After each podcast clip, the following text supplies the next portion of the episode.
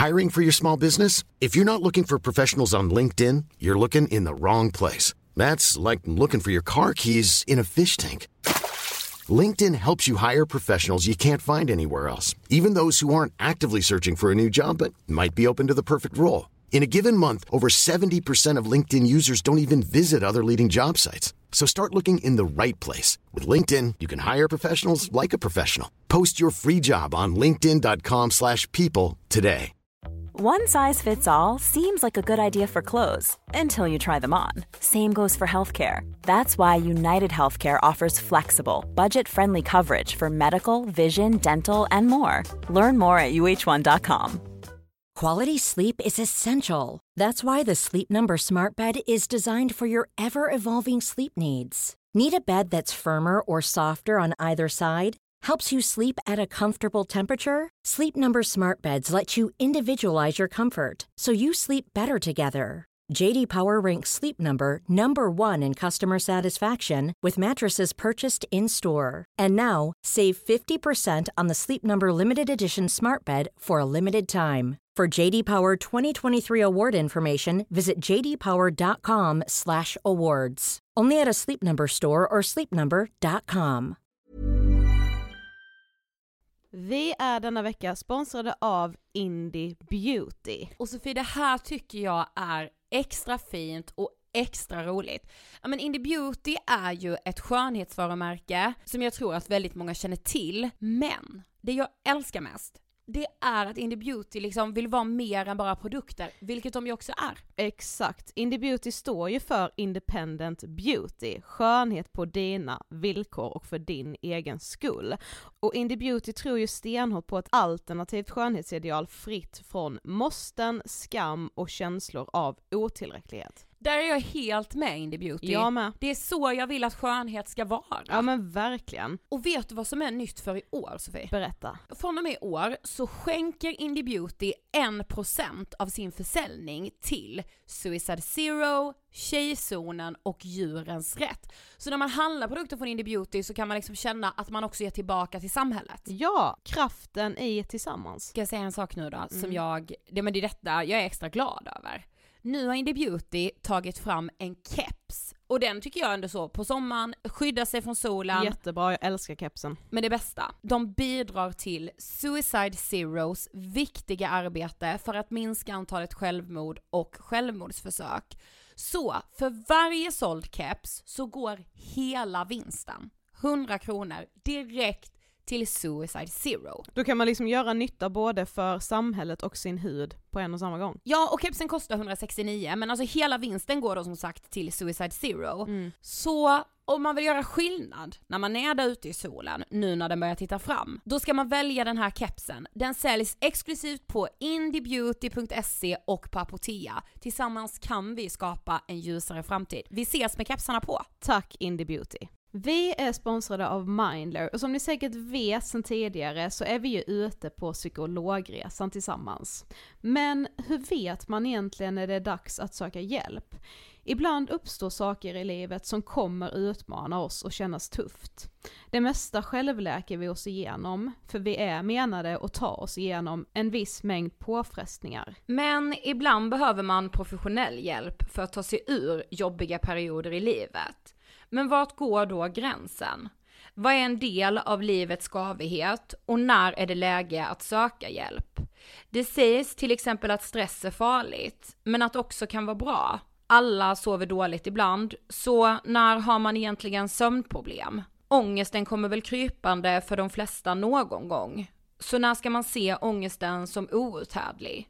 Hur vet jag?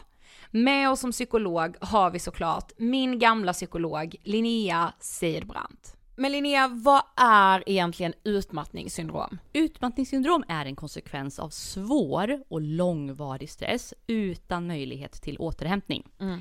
Vi är ju då skapta för att klara av stress, men vi behöver också återhämtning. Om du utsätts för för mycket stress under en lång period utan att du får till den nödvändiga återhämtningen så kommer kroppen till slut att säga ifrån. Och det är faktiskt så att alla har en gräns. Du kan drabbas av en rad fysiska eller psykiska besvär som trötthet, sömnproblem, hjärtklappning. besvär från magen och tarmarna och mycket annat. Och det här är ju då varningssignaler och tecken på att du kan behöva göra någonting åt din situation. Annars så kan besvären utvecklas till att du mår så dåligt på sikt att du blir psykiskt och fysiskt utmattad. Ladda ner Mindler till din telefon och läs mer på mindler.se.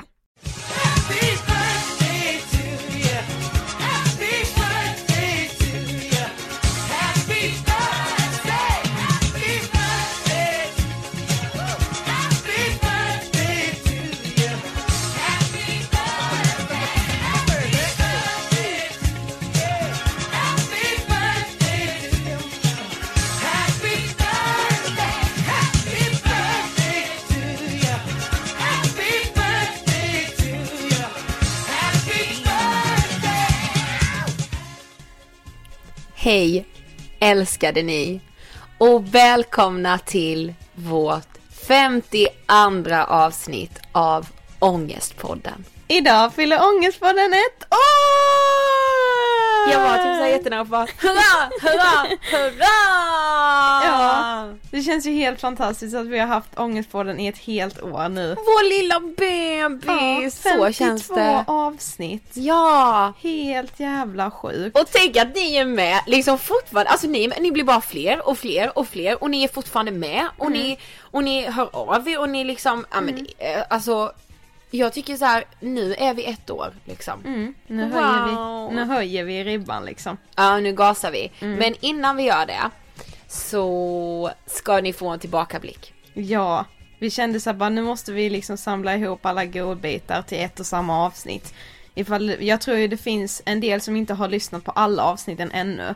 Och har ni Mm. gjort det nu så får ni liksom njuta igen för nu har vi plockat ut våra favoriter. Exakt. Yes. Okej men vad börjar vi med då?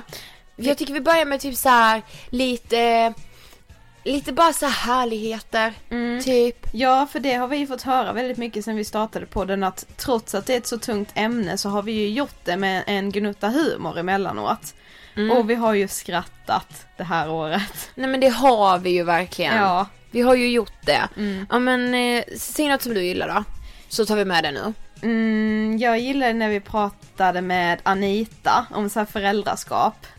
Ja, Det tyckte jag var väldigt kul. ja, just, ja men det är kul. Mm. Och du Ja. då? Hmm, jag väljer...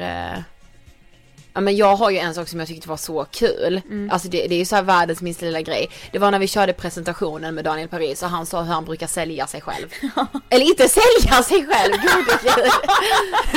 Ja men jag menar sälja in sig själv. Jag dör, okej. Ni, jag menade ju såklart sälja in sig själv. Mm. Alltså ni vet när man ska så här, övertyga en annan person.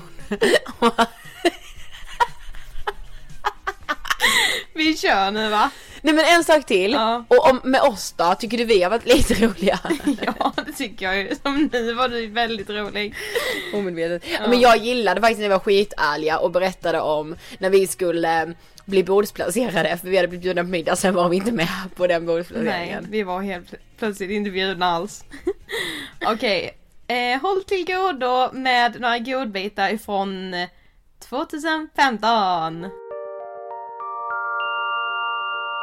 Men det var inte så att det blev värre än så, men det var så här, man var så jävla liksom rädd för att göra fel. Så att vi var, det var bara vi mot hela världen på något sätt. Och det var en jävla räddning för mig. Jag vet inte, utan Hugo så vet jag fan vad jag, då hade jag liksom, det var så, det var så vi bara skapade liksom en egen värld. Vi lyssnade bara på musik från 60-talet, vi höll på med tv-spel, vi, och liksom, vi höll på med travhästar och så här, och skötte dem. Det var bara, vi hade en helt egen, så jävla, vet, vi kunde cykla ner ibland till tätorten där vi bodde för att se när folk söp. För vi gjorde det absolut inte. Men vi satt och stod och tittade på folk som söp. Det var vår liksom helgunderhållning. Otroligt. Jag, jag, jag hör ju berättelser om to, hur tonåringar beter sig. Även då och nu. Det är inte så förändrat kanske. Men folk liksom knullar tidigt och så. Vi var så. Jag vet inte, Filip som jag är nu min Hugo så att säga. Berättar liksom om när de gick i åttan hade runktävlingar i, i omklädningsrummet. Vem som kunde komma först. Och de knullade i bastu. Så här, jag och Hugo hade liksom, liksom Ja, det leder lite in på nästa, På nästa fråga. fråga. För när vi tänker så här på killars tonår, då tänker vi just på det här om med kroppsutveckling, lite som du var inne på, att du var så lång men ändå så smal. Eh, komma in i målbrottet och det känns som att killar måste, det känns som att de har en press på sig att så här prestera i någon idrott, med sexdebuten, tjejer, alltså allt sånt. På ett sätt kanske det är sant, men för mig... Det, jag och Hugo skrev, men jag och Hugo skrev våra egna regler. För det var, ing, det var inte aktuellt att någon av oss skulle skaffa någon tjej eller få någon tjej. Eller, vet, jag kysste inte en tjej på hela högstadiet, kanske i trean på gymnasiet. That's it. Ingenting. Det var bara vi.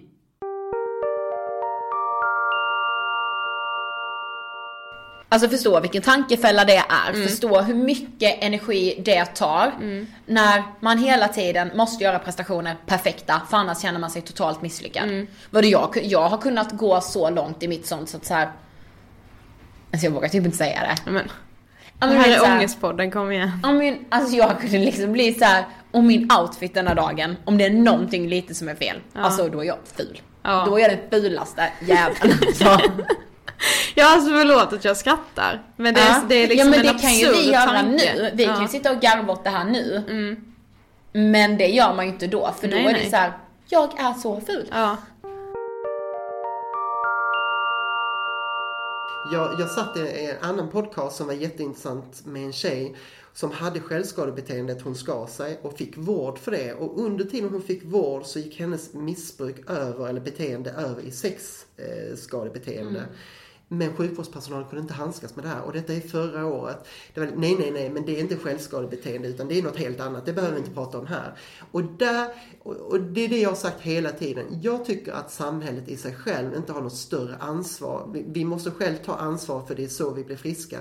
Men om någon ber om hjälp för någon av de här problematik, då måste vi finnas där. Och vi måste också hjälpa dem. Och vi måste fånga upp dem. För första gången de ber om hjälp, som när jag bad om hjälp. Om vi ger hjälpen där så slipper denna människa kanske gå fyra fem år till. eller kanske precis. aldrig få hjälp liksom. Det handlar inte om att du ska ringa en timme senare för du ska Nej. få hjälp när du ringer, Ja. när du äntligen har tagit dig modet. Och, och där är samma sak när man går, för vårdcentralen är ju dit vi går här i Sverige. När det, de måste också bli bättre. De har blivit mycket bättre, jag har föreläst på vissa ställen och sådär.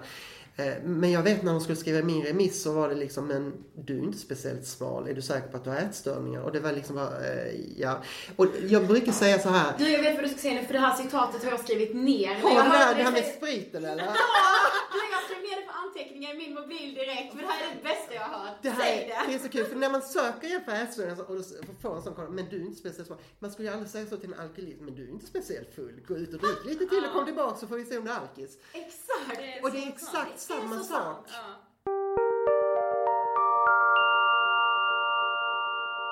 Bara nu går Ellen Bergström ut när Ja. hon har cellulit Med rump- liksom.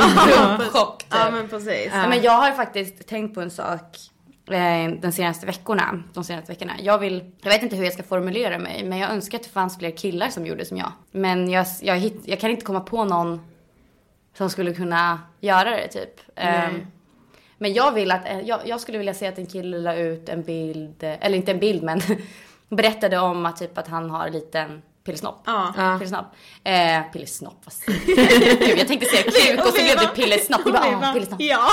Nej men att, han, att, att en person går ut och bara så här, så här är det för mig. Så här har det varit för mig. Och det här har snacket varit i skolan. Så här var det när jag var i duschen i skolan. Ja, och exakt. Bla bla bla.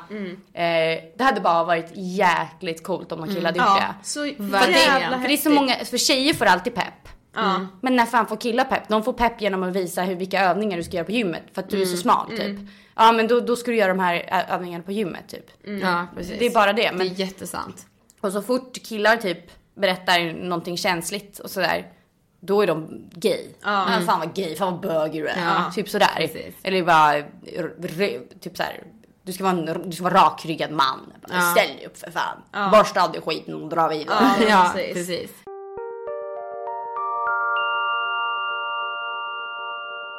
Det känns som att, jag vet inte ifall det har att göra med just sociala medier eller ifall det alltid har varit så här innan man höll på med Facebook och Instagram och så här med.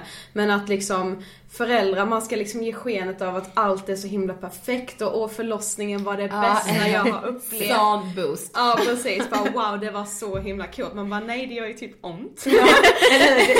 Vi bara, men Ja. okej. Eh, så jag tyckte liksom om programmet för att ni gav ju sken av något helt annat. Och vi satt och sa flera gånger bara, jag lovar att det är exakt så. Var det säkert exakt så? Ja, men berätta lite om programmet. Eh, Jag har ju haft en föräldrablogg ganska länge, eller en mammablogg som den definieras. Ehm, Och då ser man liksom alla, all så här knasighet där ute. Och så bara så här, i början var jag jättearg och irriterad liksom, på folk och var så de är helt dumma i huvudet. Så bara inser man, men det här är ju liksom, det här är som en tsunami, det är en icke-linjär våg. Den går inte som alla andra vågor, det är liksom, det är no- någonting man inte kan kontrollera. Eh, för att det här är en, en bransch där alla är experter. Eh, och alla har ju rätt utifrån sitt föräldraperspektiv. Vilket blir fruktansvärt roligt när man liksom tar ett steg bak. Ja. Och läser det här med liksom självdistans istället för att känna sig eh, personligen attackerad. Och sen så i förra hösten så satte jag mig med Julia Duvenius, Anja Lundqvist och min kompis Ullis Erlenmark som också är skådespelerska som är med i Mammor. Och vi började skriva på det här. Och Mammor är sprunget ur att vi fyra olika mammor med olika barn i olika åldrar och en som inte har barn alls och kan ha det perspektivet har skrivit ihop det här. Eh, olika scenarion från vårt eget liv. Självklart lite twistat. Ja det var, det är ju väldigt så sarkastiskt. Ja, alltså, så det är ju väldigt så här, liksom lite överdrivet men man förstår ju verkligen ändå när man tittar Ja. på det att så här, oh my god, det är så. Nej, men det ska ju vara lite så här inside out. Alltså, Ja. Och det, det är något fruktansvärt roligt med omoraliska kvinnor. Och kvinnor som är lite äldre. Är inte liksom... Ja men, ni är ändå omoraliska i er ålder. men, när man är morsa så ska man ju liksom vara präktigheten själv. Ja. Och opräktiga morsor var väldigt kul. Jag vet inte, det finns en scen som är här fotboll, huliganmammor. Där vi står och skriker vad snubbar gör på en bayern match Ja, liksom. ja. Har du käkat tårta till frukost till en treåring? Det är inte så skönt? Liksom.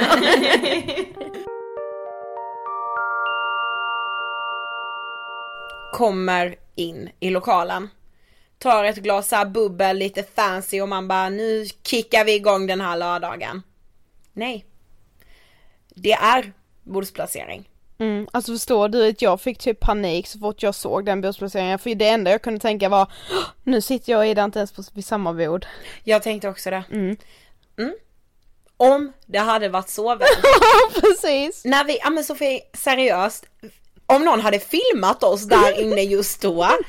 Vi går där inne i mörkret, ni kan tänka er själva så här nattklubbsmiljö. Det är mörkt, uppdukade bord in, inne på nattklubben. Vi går där med våra stackars mobiler, försöker läsa på skyltarna. Vi är inte med. Vi är alltså inte med! Och vi bara, jaha, vad gör vi nu liksom? Nej nej Sofie vet vad det roliga var? Nej. Vi ger oss inte. Nej men alltså någonstans tänkte ju jag för första, första varvet ska jag, er...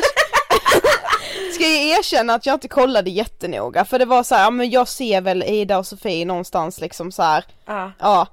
Men andra varvet, ja jag vet. då var det så här, då kollade jag så noga, så när jag var på liksom sista längan, var då på det sista långbordet, jag bara alltså, ja jag vänder på klacken om jag inte hittar mitt namn här. Ja och det var ju precis det vi fick göra också. Ja. Så vi var väl där i typ, hur länge var vi där? En 20 kvart. minuter? En kvart. Ja.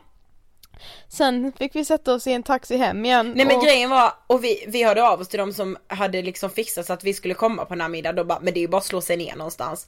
Vi bara, ska man sätta sig hos någon annan då, eller va? Ja, och, Skulle man sätta sig på något annat namn, bara här står det Charles. ja, och någon, Okej. sen, var vi just Charles. Sen kommer Charles och bara ursäkta du sitter på min plats. Ja, Ja, men det är det ja det gör jag ja. Får hoppa vidare. Ja. Det är så här, ja, jag står upp idag hörni, ja jag tar den. Mm. Ja det var så hemskt. Ja men det var så när vi satt eh, och var på väg hem sen igen, jag bara det, är det är liksom det här alla ska veta och se. Istället för liksom min... För min instagrambild, då var det lördag igen. Ja men precis. Jag såg väldigt glad ut på min Exakt. instagram. Jag var lite nere faktiskt och jävligt hungrig eftersom jag inte hade ätit.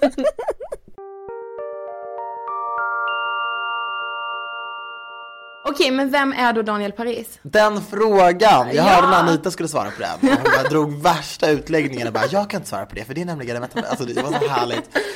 Men jag är väl eh, en, eh, en härlig 27-årig kille som eh, bloggar och jobbar med media och programleder och har mig och är socionom. Mm, ja just Ja det. just det, du utbildar socionom. Sämsta presentationer. Alltså när folk bara ställ dig själv. Jag, bara, äh, äh, jag är glad och gillar bröd. Alltså jag vet inte hur man gör sånt. Jag kan bara vara mig själv. Jag försökte i alla fall. Ja, det var jättebra tycker jag.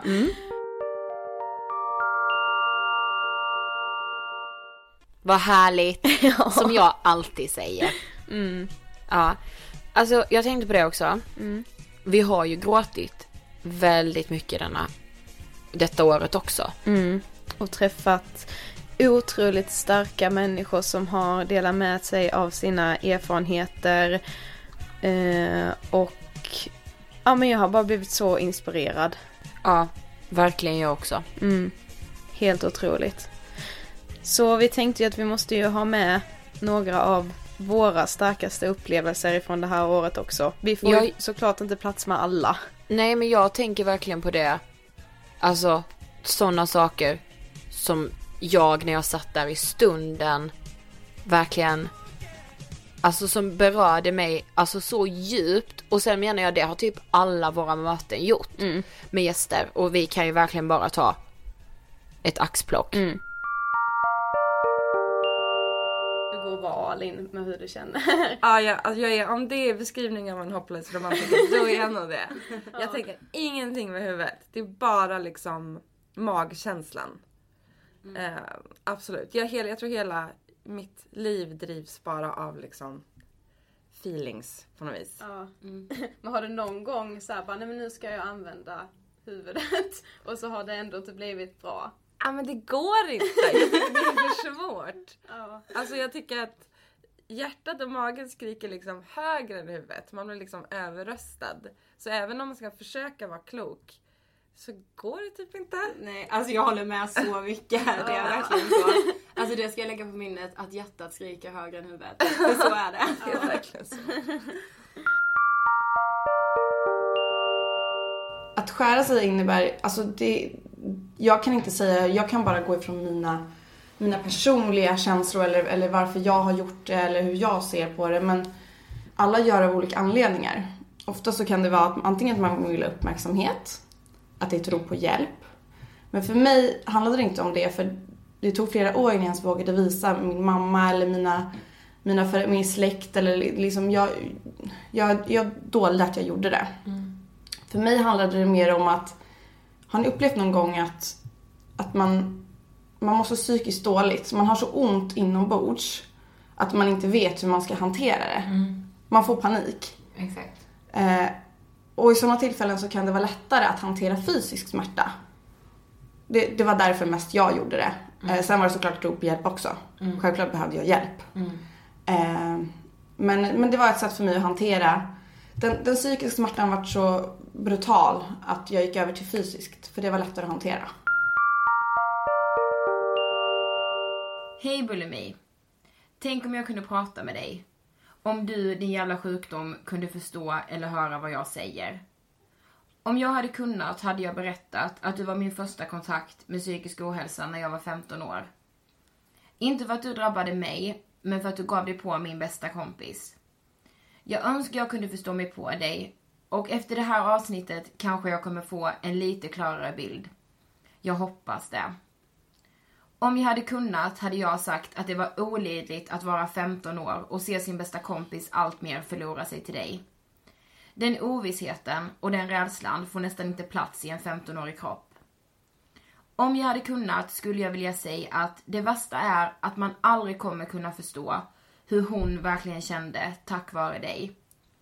Jag hatar dig bulimi och jag hoppas att vi någon gång kan utrota dig. Frida, jag älskar dig. Du är min hjälte. Hej då bulimi, du försökte men det gick inte. Hej då bulimi, jag hatar dig för att du gav mig mindre sömn om natten och för att du gjorde mig rädd att förlora min bästa kompis.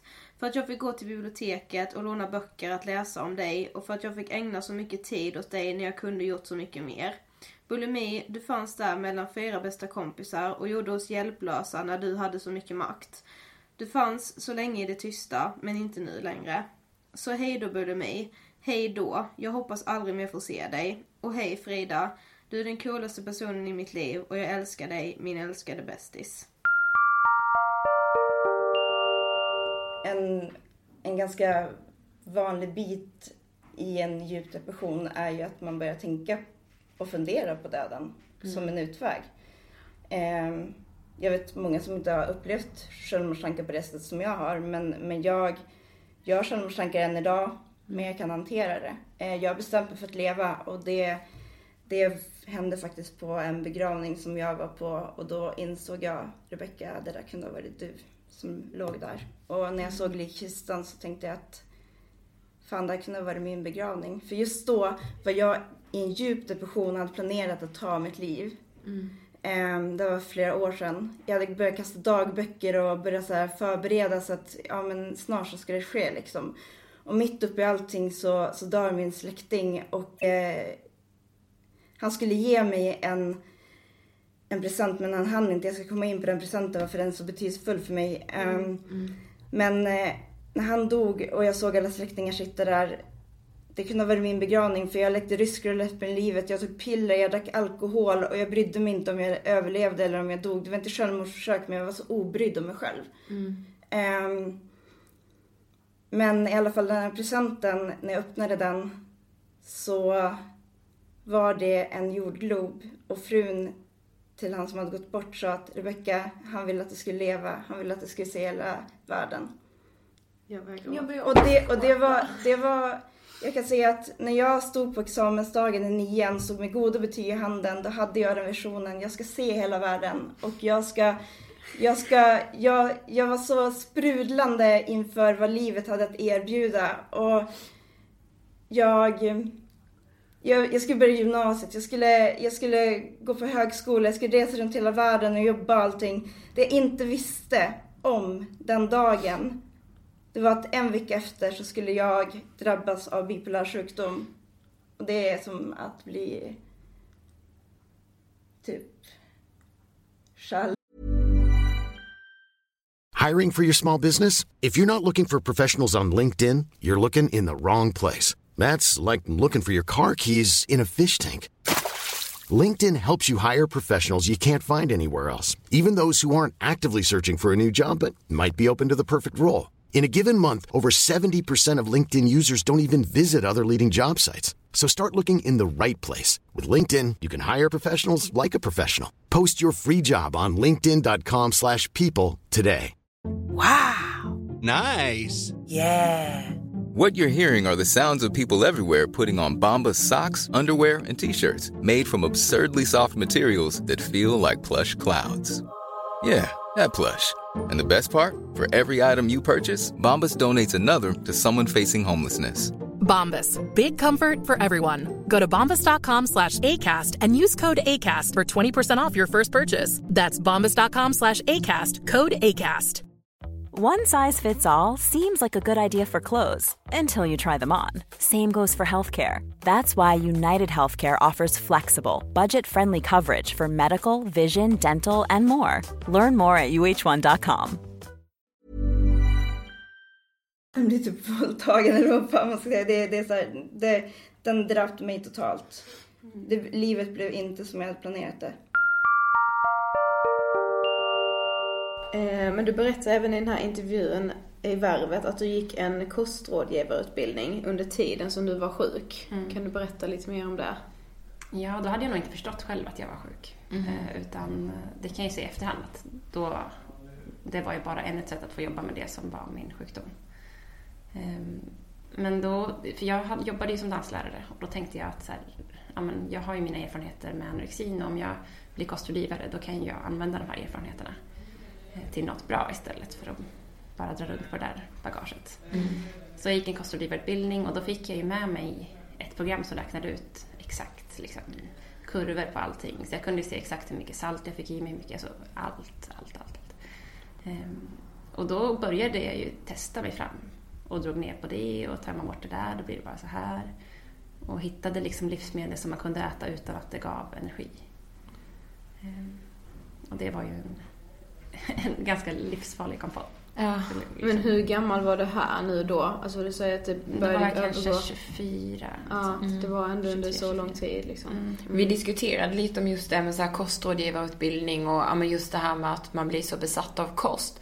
Det känns som att det, att det är ganska vanligt just när man alltså har den här träningshetsen och man lär sig så extremt mycket om kost och lite så att jo men jag är jätteintresserad för att jag vill bli kostrådgivare eller jag vill jobba med liksom någonting inom hälsan. Mm. Men egentligen handlar det nog om en själv, att man vill ha den kontrollen. Absolut. Ja.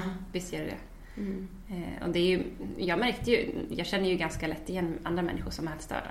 Och man märkte ju många av de kunderna som kom till mig, de kunde ju ha så här jättebra koll på någon vitamin som de hade fått för sig var superviktig att få i sig och hur de skulle få i sig det. Men tittar man på helheten så saknar de också helt balansen Mm. och helhetsperspektivet. De var superbra på att ta bort kolhydrater, men vad händer med resten?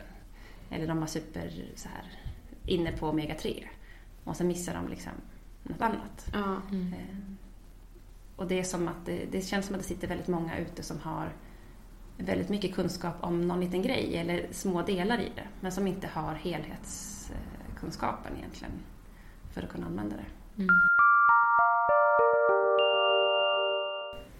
Eh, sa Linnea någon gång till dig eller till någon kompis eller så att hon inte ville leva längre? Hon var väldigt tydlig med det.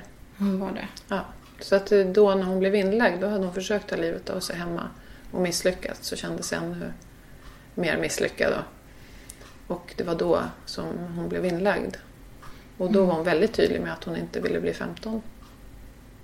Men hur var, alltså för, hur var hon, hur reagerade hon på när ni sa att ni ville liksom lägga in henne? Alltså var hon så här, gick hon med på det eller fick ni liksom typ tvångsinlägga henne på? Nej, hon gick med på det. Ja. Eh, Hon var nog väldigt rädd själv för vad, liksom, vad det var som höll på att hända. Ja. Men alltså innan hon började må dåligt så var hon ju en otroligt positiv och, och eh, utåtriktad och social person. Hade väldigt mycket vänner och hade lätt i skolan och var verkligen, verkligen älskad av alla, både barn och vuxna. Så det fanns liksom inga svårigheter så utan ut, från vårt perspektiv så var det bara nästan för bra för att vara sant och det kanske var just Ja. så. Eh, Mm. Men, men det har aldrig varit några problem överhuvudtaget med Linnea. Utan hon har alltid varit lätt att ha att göra med, positiv, nyfiken, hjälpsam, haft kompisar, ing, liksom fritidsintressen, inga konstigheter överhuvudtaget. Mm. Men hur såg vården ut då? Alltså är det så här, åk, åkte ni bara med Linnea till barnpsyk och så blev hon inlagd samma dag? Eller hade hon typ gått och pratat med någon psykolog sen i februari när hon började må dåligt? Eller Ja. hur såg vården ut? Liksom hela det här förloppet? Vi hade eh, tagit kontakt med en privat psykolog som vi kände till. Och eh, hon tyckte att Linnea skulle få en barnpsykiatrisk bedömning därför att hon fick inte riktigt ihop saker och ting.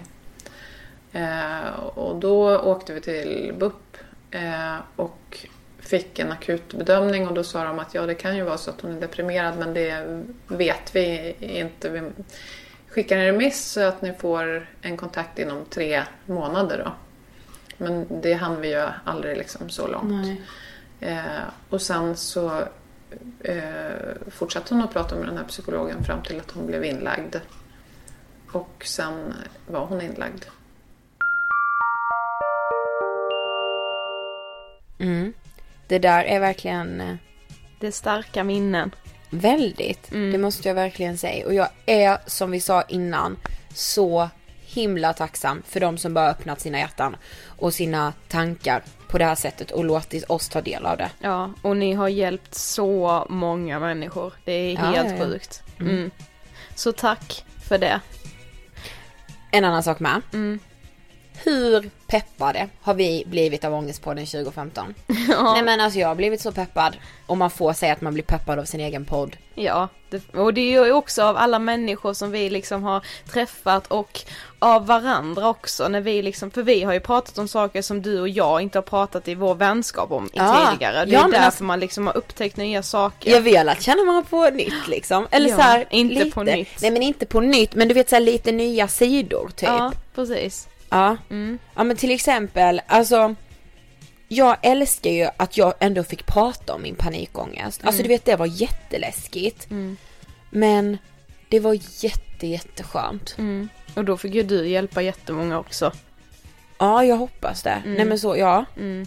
Ja, och jag gillar alla avsnitt som vi har haft om att så här, våga misslyckas och ja. Ja, verkligen så här våga vara dig själv liksom. Mm. Okej, så vi kör lite pepp. Varsågoda. Yes.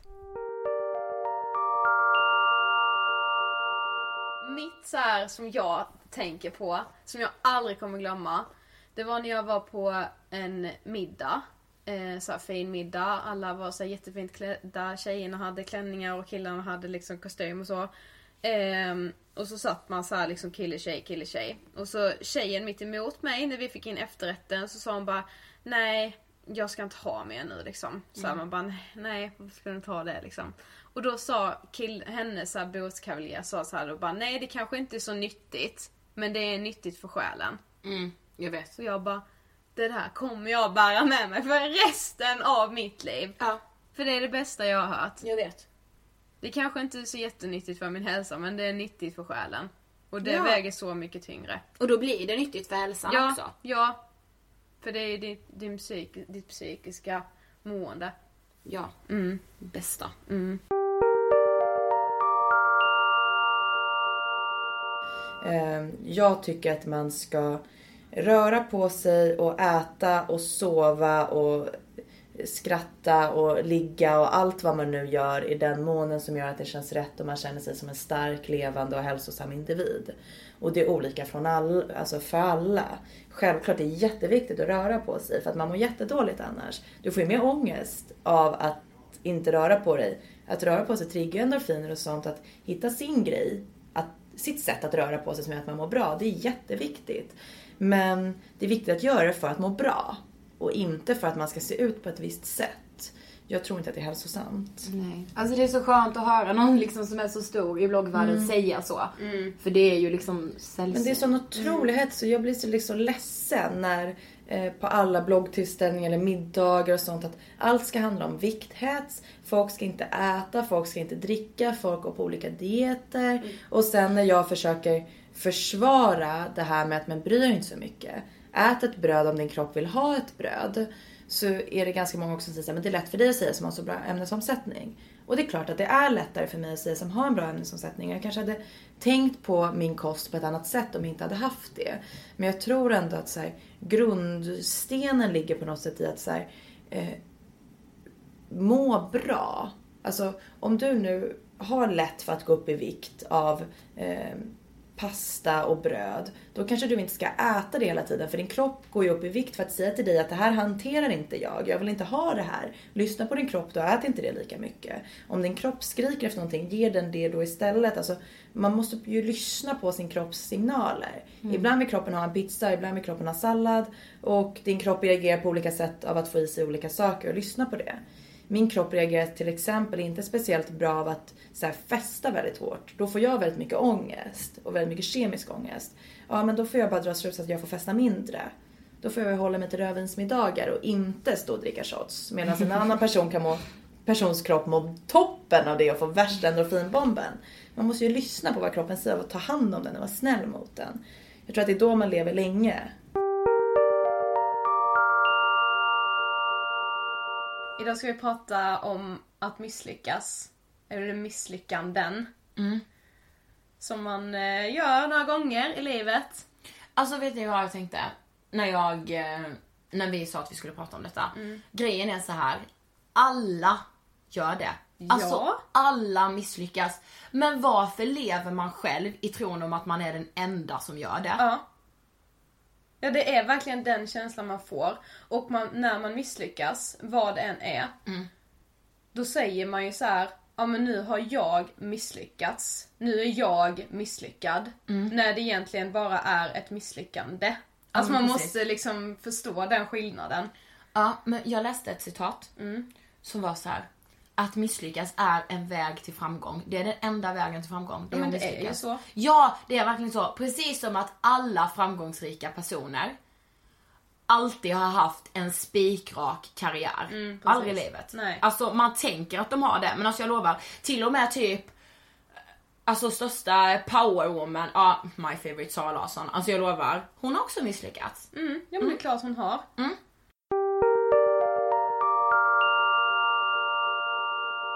Gör det som skrämmer dig allra mest. Alltså i små steg. Sitt på en middag med en person, sitt på en middag med två personer, tre personer. Eh, så här, åk eh, och försök åka liksom tunnelbana på en tid när det inte är så mycket liksom rusningstrafik. Mm. Till slut kommer du kunna åka klockan 16 när alla slutar jobbet. Eh, eller om man får panikångest när man får tala i en grupp. Börja med att prata inför mamma, typ. Och sen så pappa. Och sen så ett syskon också liksom.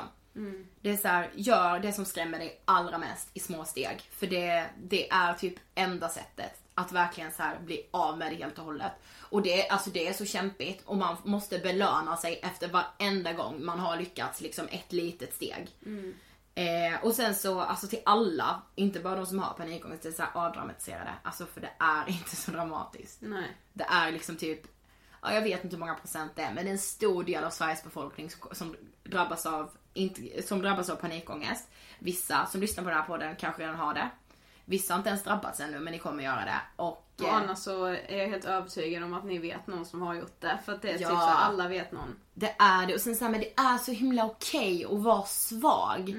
Och som jag har tänkt så hela tiden, vi måste släppa ut den lilla paniken som finns inom oss. För den, den, den får inte plats där. Det är Mm. därför den måste ut. Mm. Och det är så här, man kan inte gömma sig från den. Och man kan inte springa ifrån den. Och sen som jag alltid haft med mig, det är så här, det är bara skitkreativa personer som drabbas av panikångest. Mm. För vi, vi tänker för mycket. Och det, det, det har jag alltid med mig nu. Det säger jag bara, jag är så jävla kreativ så jag har till och med fått panikångest. Så, så tänker jag typ idag. Ja, det är sant. Ja. Mm. För det tar enorm tid att hitta sig själv. Det vet jag för, nej jag skojar, nu Mm. kändes det som att jag skulle så här vara, vara någon livscoach för det här. Men jag tror verkligen att så här, låt det ta tid. Det kommer gå i vågor, det här med att känna att jo, jag vet, jag har nog ganska bra pejl på faktiskt vem jag är nu. Mm. I vilket sammanhang jag än hamnar i. Vilket också handlar om självkänsla som också tar lång tid att bygga upp. Men det går lite hand i hand. En god självkänsla och att veta vem man är. Mm. Det känns som att det går hand i hand. Ja. Men så här, ja men låt det ta tid.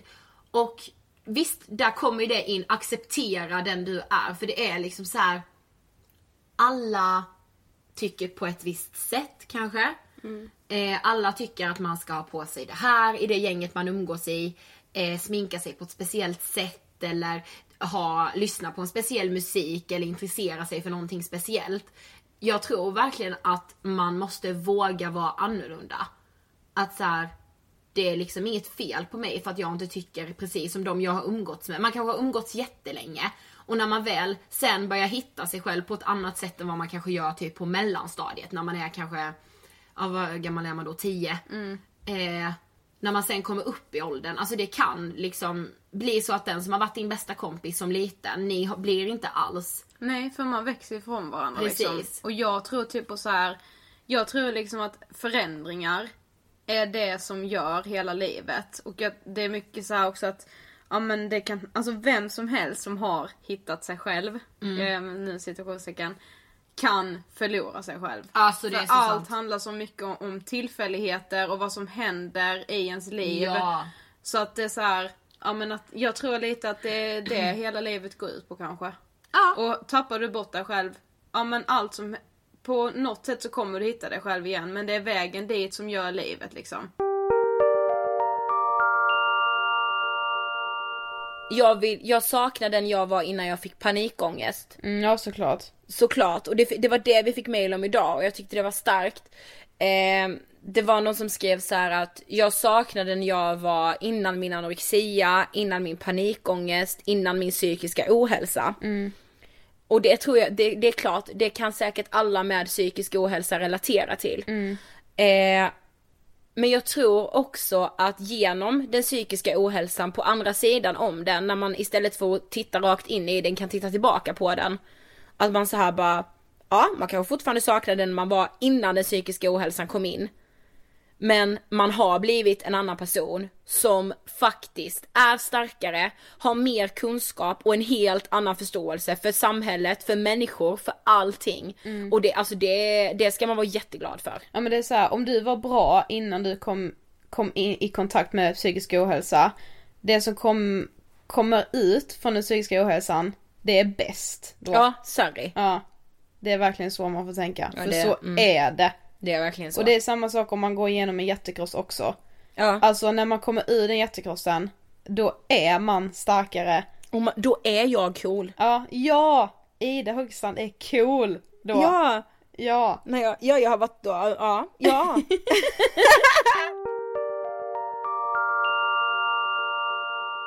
Åh, så alla hatar mig, mitt liv suger, jag har inte ens kul. Och, typ så här, jag, och, så, och, och när jag kommer hem liksom en dag och typ sitter och kollar på TV kan jag tänka så här, ah, nu har den här andra personen säkert vaknat sex på morgonen, gått och tränat, gått och jobbat, träffat sina kompisar, hunnit med allting medan jag bara har suttit här och jag är så misslyckad och sådär. Problemet är att man får typ inte tänka så om sig själv. Man ska inte tänka så om sig själv. För det kan bli som ett mantra som du bara upprepar för dig Mm. själv hela tiden. Att om du tänker så här, ja ah, men gud den här dagen var så oduglig, till slut blir det jag är så oduglig, jag är så lat, jag är så trött, jag gör inte ett skit, jag jämför med, eller jag, den här personen gör allting, jag gör ingenting, jag är det kan vara vad som helst. Jag är ju till och med två år äldre, eller jag är två år yngre. Jag borde, jag borde ha precis lika mycket pengar, eller vara lika duktig, eller vara lika framgångsrik. Varför är jag inte det? Det är så farligt att tänka sådär, för det kan verkligen påverka en mer än vad man tror. Mm. Så jag tror definitivt att bara tänka så här. jag är jag, jag måste jämföra mig själv med mig själv. Vill jag sova en hel dag, då gör jag det. Men jag får inte och jag kan inte må dåligt över det.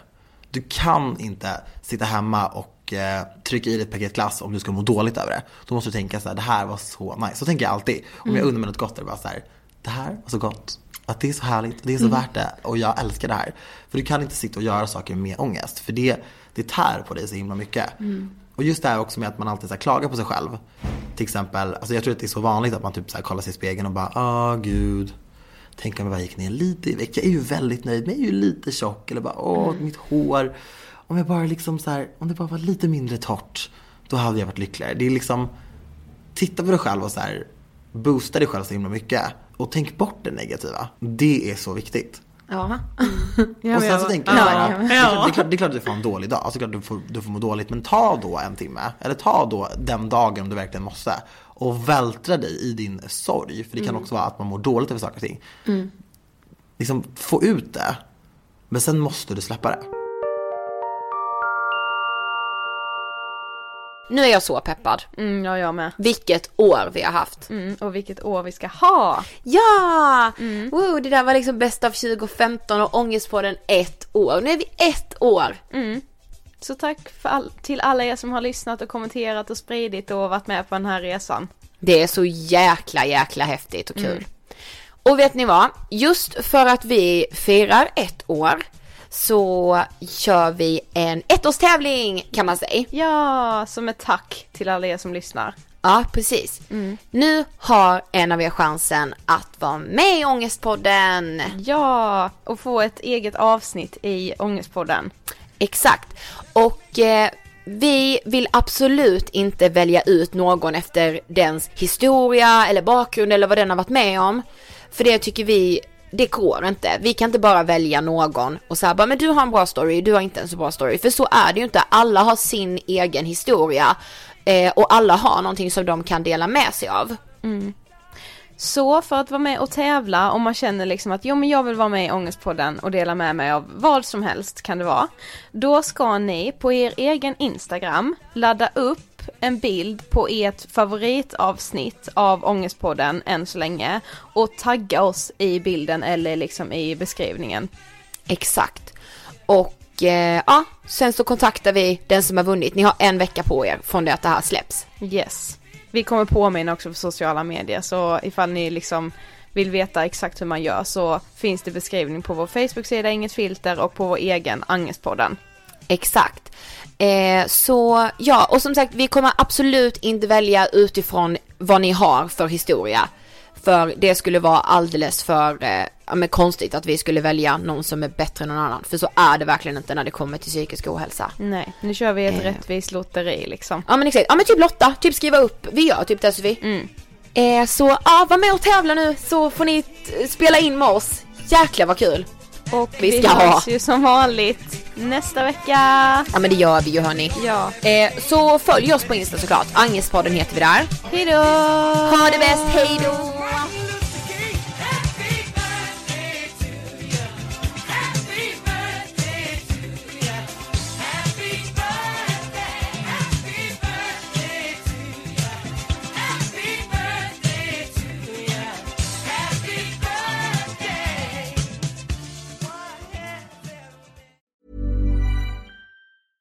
Even when we're on a budget, we still deserve nice things. Quince is a place to scoop up stunning high-end goods for 50 to 80% less than similar brands. They have buttery soft cashmere sweaters starting at $50, luxurious Italian leather bags, and so much more. Plus, Quince only works with factories that use safe, ethical, and responsible manufacturing. Get the high-end goods you'll love without the high price tag with Quince. Go to quince.com/style for free shipping and 365-day returns.